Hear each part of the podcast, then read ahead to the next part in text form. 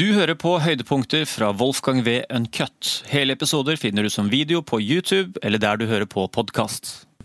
Altså, hvor, stor kan, hvor mange medlemsland kan vi egentlig få i Nato? Altså, det, det, må jo være en slags grense, en smertegrense på hvor mange medlemmer som kan være i en allianse før at det blir nesten så mange at det blir kaotisk og, og på en måte bikker over til å bli en sårbart. Da, for at hvis det har så mange Vi har passert den grensen for lenge siden. For lenge siden? Ja. Saken er at Natos råtne eh, hjerte er at man fatter beslutninger gjennom konsensus. Altså at alle må være enige.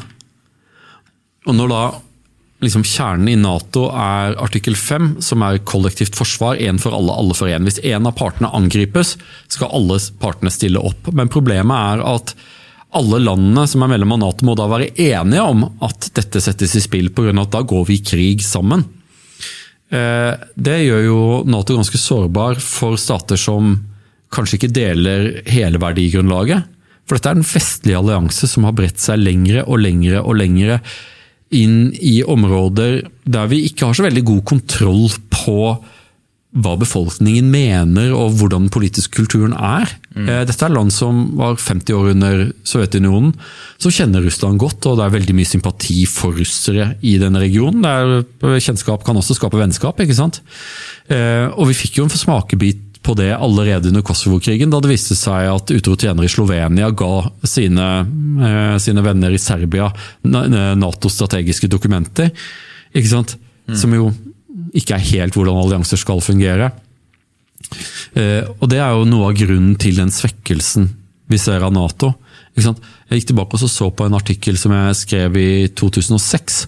Eh, og Da var det veldig populært, og alle er interessert i å glemme det nå. Da, da kritiserte jeg det at vår statsminister som vel var statsminister Stoltenberg da, sa at Natos fremtid vil avgjøres i Afghanistan. Dette oppdraget må lykkes, ellers vil Nato feile. Vel, midt i oppdraget så vi så, vi, så, vi så konklusjonen på det oppdraget i, i sterke farger. Mm. Eh, farlig å si sånne ting. Eh, jeg mente på det tidspunktet at for en utrolig tåpelig ting å si. Eh, dette her er, det, Man kan ikke gjøre en, en, en, sånn her, en intervensjon som eh, kom i kjølvannet av et angrep av terrorister på USA til å bli stenen som der Nato skal, skal smis eller, eller, eller knuses. Eh, men Nato er ikke det det var. Og det, er, og det er betydelig usikkerhet også i europeiske hovedsteder om hvor grensene nå går, pga. at for mange land, Norge blant dem, så er Nato innpakningspapiret som sikkerhetsgarantiene fra ett land kommer i, og det er USA. Mm. Eh, men USA er ikke så interessert i Europa lenger.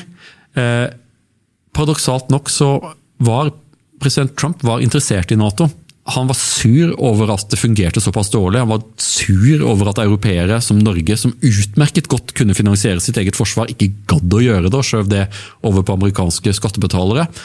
Mye kan sies om dette, bl.a. at han hadde helt rett. At vi er underinvestert i forsvaret vårt, er helt åpenbart.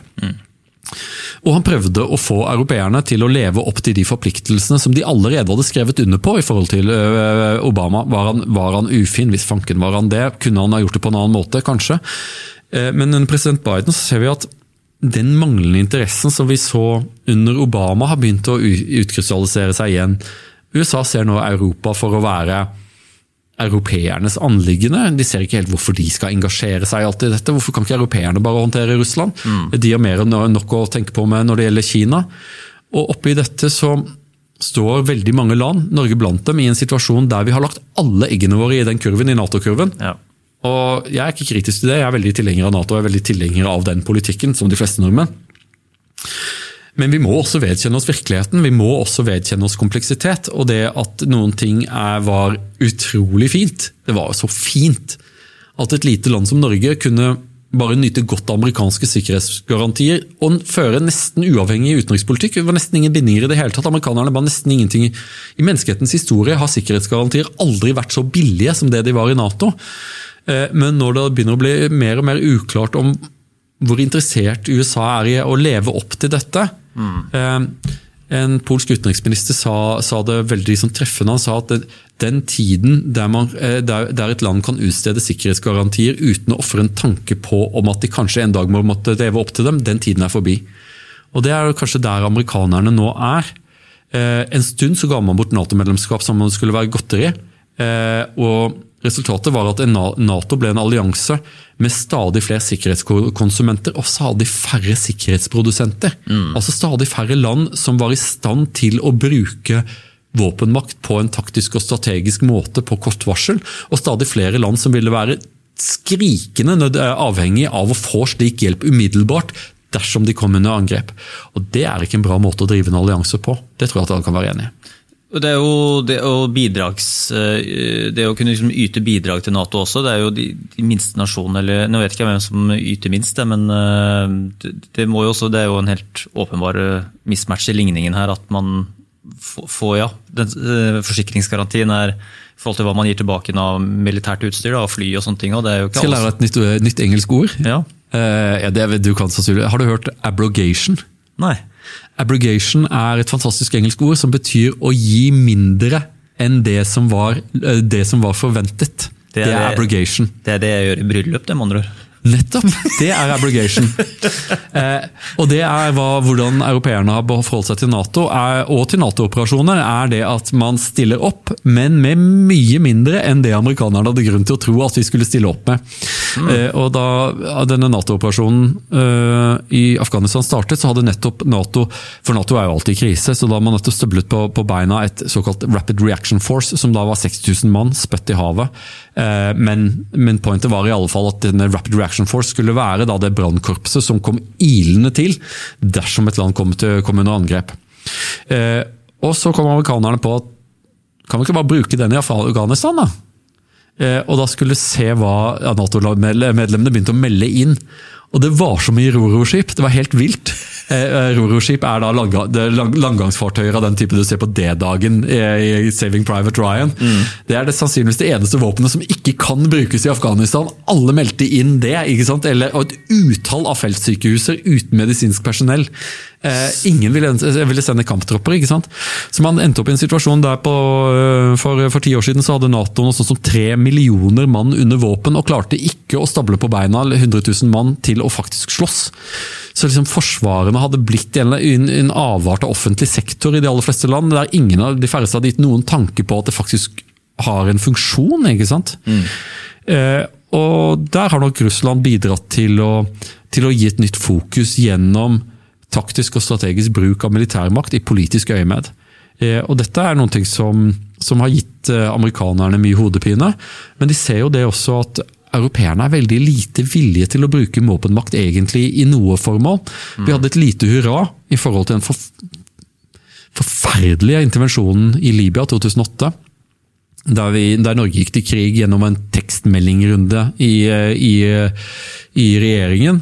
Og Espen Barth Eide sa at Norge bombet mest og best. Eh, bombet i stykker regimet i Tripoli. Nå, og Vi hører ikke så mye fra Libya nå. Hvorfor ikke det? Pga. at det har vært borgerkrig der siden vi gjorde dette. Tror, tror du at vi tar ansvar for at vi destabiliserte et land som da endte opp i en borgerkrig som, eh, som, som utmattet og utplyndret og drepte dette folket? Ikke i det hele tatt. Men det gjorde at europeere har blitt svært skeptiske til å, til å bruke våpenmakt for noe formål i det hele tatt. Vi var jo inne på kompensasjon i sted. Uh, kunne det vært sånn at Libya ville spurt Norge om kompensasjon for det, det vi har gjort? Eller ville gått mot ja, Det må du bare prøve, men jeg tror de kan plystre i vinden etter det. For vi anser oss for at eh, Det er jo den du må bli litt voksen før du forstår at alle anser seg for å ha gode intensjoner. Alle. Du er ikke alene om å ha gode intensjoner, så det er en greie med at du, kan, at du tilgir deg selv de påregnelige negative konsekvensene av dine handlinger bare pga. at du mente det godt. Det er ikke godt nok. Du må vite noen ting. Du må, for, du må være voksen i forhold til farene. Og Det er den greiene som vi prata om i forhold til gullbrikkespillet, hvorfor jeg er konservativ. Så jeg kunne hatt det som er fint med å være konservativ, er at vi har et ganske negativt syn på menneskenaturen. Vi vet at menneskets kapasitet for å gjøre idiotiske ting er tilnærmet uendelig. Mm. Og man skal alltid være på vakt mot de negative konsekvensene av, eh, av idealisters himmelstormende idealer. og Spesielt når da venstreliberalere fikk det for seg at det var en kjempegod idé å bruke våpenmakt for å skape demokrati i land som Afghanistan, Syria, Irak, Libya.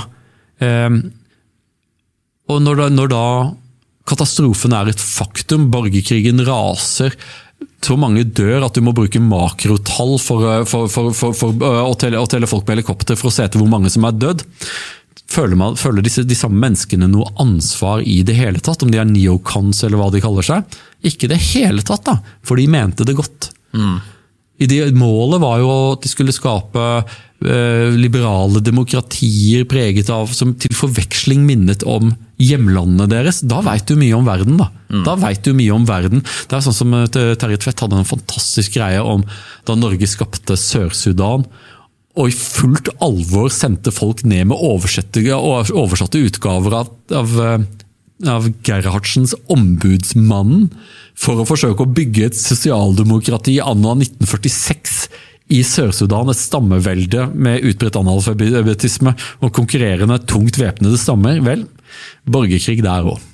Vi kommer, Terje Tvedt skal faktisk lage mm, en serie eh, her i podkasten eh, om det. Om selvbilder og, og verdensbilder og den type ja, ting. Da, må, da, da, da, var dette, da, var dette, en spoiler, da. en spoiler og en teaser på en gang. Ja, ja.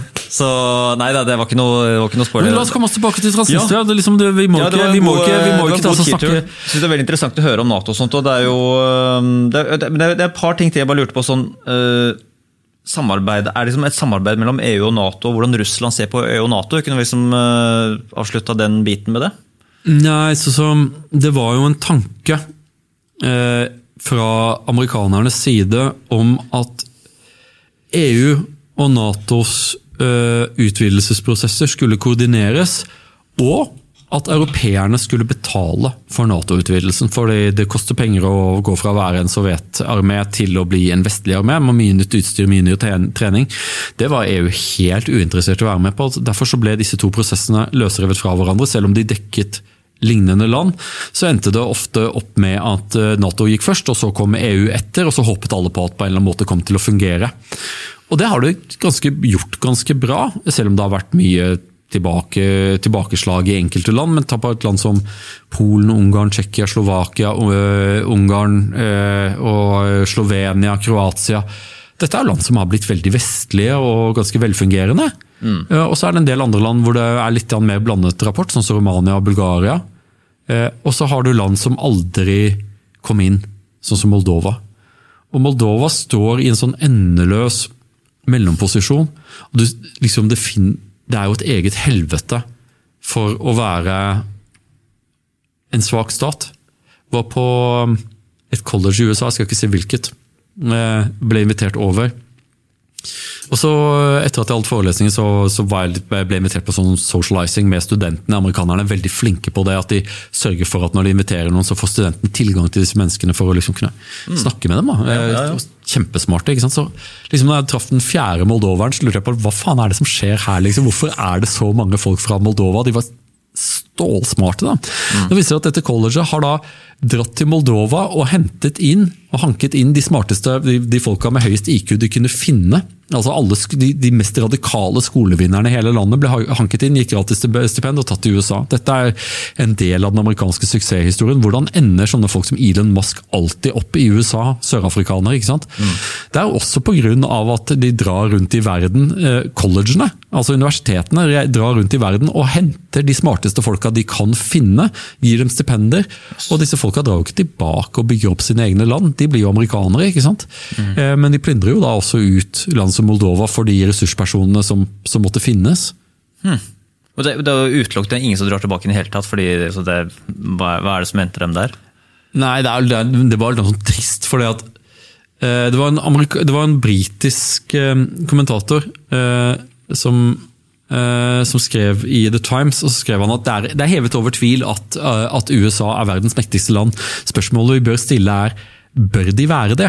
Og Hans argument var at Eh, mens britene verdsatte kulturen i landet de koloniserte, og, denne kulturen bidro til å berike engelsk og britisk kultur med te og, eh, og liksom en, en, følelse av paternalisme. Eh, som er en sånn, fi, en sånn fin paternalisme, sånn Rudyard Kipling, The White Man's Burden-paternalisme. altså at, at, mange ofret seg for å, å, gjøre disse landene bedre. Så mente han at amerikanerne i forsvinnende liten grad er i stand til å verdsette andre kulturer enn sin egen. Så når amerikanerne sier 'that's fascinating', så mener de 'that's weird'. Og det var litt skuffende å se hvor fort disse moldovske ungdommene hadde tatt til seg den amerikanske kulturen, der de så på sitt eget land som et møkkahøl som, eh, som de var kjempeglad for at de hadde unnsluppet. Og nå, de, eh, nå hadde de gjenoppfunnet seg selv som representanter for et amerikansk eliteuniversitet, og derfor en representant, potensiell representant for de amerikanske pengesterke eh, elitene. Eh, og hadde ikke så seg ikke engang over skulderen til de folkene som ble sittende igjen i det landet, som tross alt hadde utdannet dem helt til det punktet da de ble snappet opp av dette colleget.